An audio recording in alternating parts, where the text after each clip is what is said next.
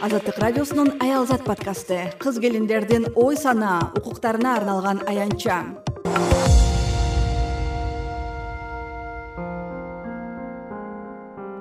Сексуалдык асуулууга туш болгон ондогон кыз келиндер. Үрөй учурган окуяларын блогер назира айтбекованын социалдык тармактардагы баракчасынын кат куржунуна анонимдүү калтырышкан.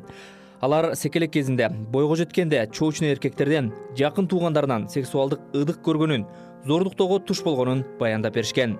Ал анонимдүү каттардын айрымдарын окуп берсек маанисин өзгөртпөстөн грамматикалык каталарын гана оңдоп кыскартып бергенибизди эскерте кетели азыр жашоо кыйын. Мен бешинчи класста окуп жатканда кошуна байке алдап зордуктап салган.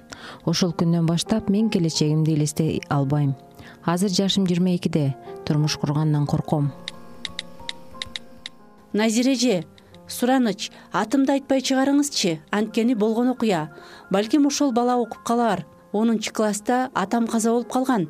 Апам ооруйт болчу. Колдон келишинче жардам берип каникулда шаардагы чакан кафеде идиш жууп иштечүмүн. Өзүбүздүн айылдашыбыз тогуз жаш улуу бала мени таанып калып жумуштан чыкканча күтүп туруп зордоп койгон. Апам ооруп калбасын деп кимге айтаарымды билбей кыйналып жүрдүм деп жазган кыз кийин ала качууга кабылып ал күйөөсүнөн дагы кордук көргөнүн айтып берген. Айтбекова жарыялаган каттарда кыздар көпчүлүк учурда коомдук транспорттарда сексуалдык ыдыкка кабылганын жазышкан жакшы балага жолуктум деп ага жолугушууга шашып бара жаткам. Маршруткада тыгында артта бир бала сыйпалап баштады. Дароо болгон күчүм менен түртүп урушуп кирдим. Толтура кишиден бири дагы унчуккан жок. Тескерисинче мени жаман көздөрү менен карашты. Тигил маал бала мени сөккөнүнөн өзүм уялып түшүп кеттим. Менин абалымды көргөн жигитим окуяны угуп кайра мени күнөөлөсө болобу. Анан эмне өзүң повод берип көйнөк кийип алгансың деп. Ошондой эле кыз келиндерге жумуштан же көчөдөн эле эмес үйдө дагы жакын бир туугандарынан жыныстык асылуу зордуктоого кабылганын дагы айтып беришкен. Эжем биринчи экинчи классты таянемдин колунда окуду а мен анда беш жашта экенмин. Каникул сайын мамам алардыкына жиберип турчу эжеңе барып кел деп. Барган сайын таятам эжем экөөбүзгө шоколад бал муздак алып берип артты каратып шымыңарды чечкиле дейт эле.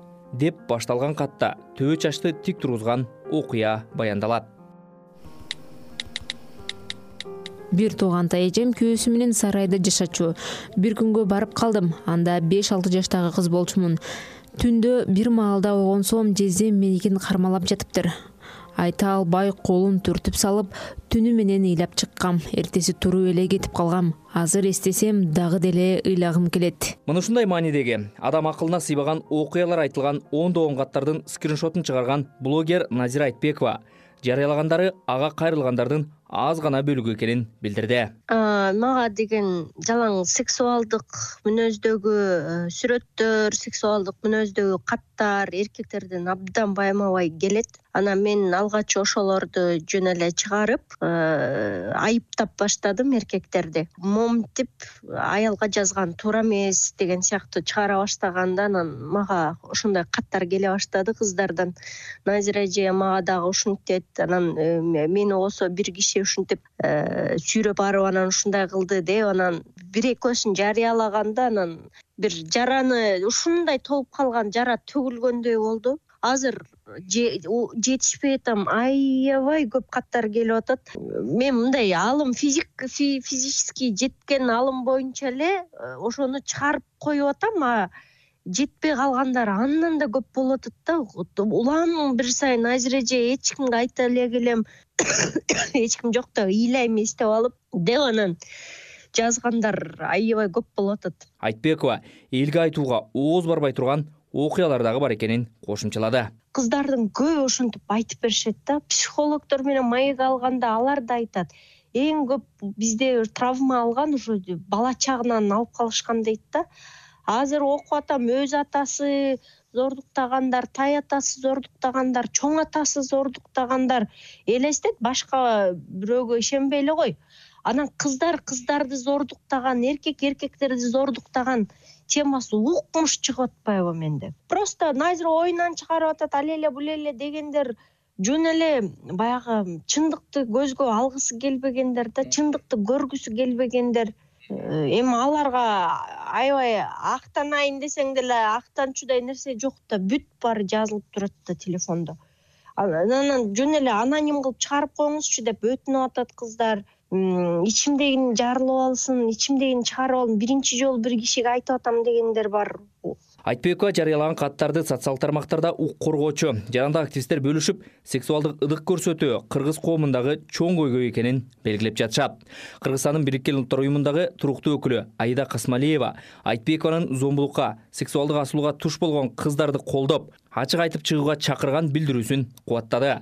Касмалиева мамлекеттик органдардан баштап ар бир жаран коомдогу бул терс көрүнүштү токтотууга салым кошууга чакырды ал мындай пикирин фейсбуктагы баракчасында калтырган. Биз өзүбүз байкабасак да күнүгө ыдык көрсөтүү учурларына күбө болобуз. Мисалы көчөдөгү асылуу коомдук транспорттогу окуялар же башкаларга болгон үстүмдүк жана жазасыздык сезими. Балким биз мындай учурларга кайдыгер карабаганда ушул тапта кыргызстанда евро биримдик жана бириккен улуттар уюму теңдик нуру демилгесин алкагында социалдык тармактарда ыдык көрсөтүүгө каршы маалыматтык өнөктүк жүргүзүп жаткан. Анын алкагында ыдык көрсөтүү деген эмне экенин түшүндүргөн кыргыз жана орус тилдеринде видеолор тартылып ыдык көрсөтүүнүн түрлөрү тууралуу маалымат берип ага болгон окуяларды коомчулукка жеткирүү максаты болгон. Кыргызстандагы аял судьялардын ассоциациясы жүргүзгөн изилдөөгө ылайык. Кыргызстанда ар бир төртүнчү аял жумуш ордунда жыныстык асылууга туш болот кыргызстандагы бириккен улуттар уюмунун өнүктүрүү программасынын коммуникация бөлүмүнүн өкүлү айнагүл абдрахманова буларга токтолду. ыдык көрсөтүүгө каршы маалыматтык кампанияны жүргүзүп жатабыз. А дегенде ыдык деген эмне? Деген түшүнүктү коомчулукка жеткирүү үчүн маалыматтык карточкалар жана эксплейнер ролик даярдаганбыз. Бул жолу коомчулуктун мамилеси жана ыдык учуранда элди кайдыгер болбогонго чакырганга чакырган видео тарттык эки миң он сегизинчи жылы жогорку кеңештин имаратында харасментке кабылган депутат элвира сурабалдиева сексуалдык ыдыкка каршы мыйзам иштеп чыгып коомдо кыз келиндерге жасалган кадимки көрүнүшкө айланган терс адаттарды жоюу керек экенин айтып чыккандардын бири сурабалдиева ал өз окуясын ачык айтып чыккандан кийин ондогон аялдар сексуалдык ыдык көрсөтүүгө кабылганын жашыруун айтып беришкен. Эл өкүлү бул тема коомчулукта жабык көйгөйлөрдүн бири экенин белгилеп маселени жоюу кыйын болуп жатканын айтты. Э, менин башыман өткөн окуядан кийин мифти болгон окуядан кийин мага деле кээ бир коллегаларым эми мындай э, тамашалап эмес бул мен ойлойм бул мазактоо да. Э, жаш эмессиң го эмне эле тиги уялып калдыңбы дегендей кылып тескери мени шылыңдап жатышпады беле кийин болсо мен ойлойм бул коомдо көтөрүлгөндөн кийин мага деген жада калса элүүдөн ашкан эжекелер кайрылышып эми айтайын десем күлүшөт. Шылдыңдайт бизди бирок элвира улуу жаш. Биз уялып ушуну көтөрө албайбыз айта албайбыз деп аябай ыйлаганда мага канча э, эжекелер келишти жаш кыздардан дагы. Анан негедир коомдо мындай ой пикир бар да жалгыз боо эле аялдарга тийишет депчи.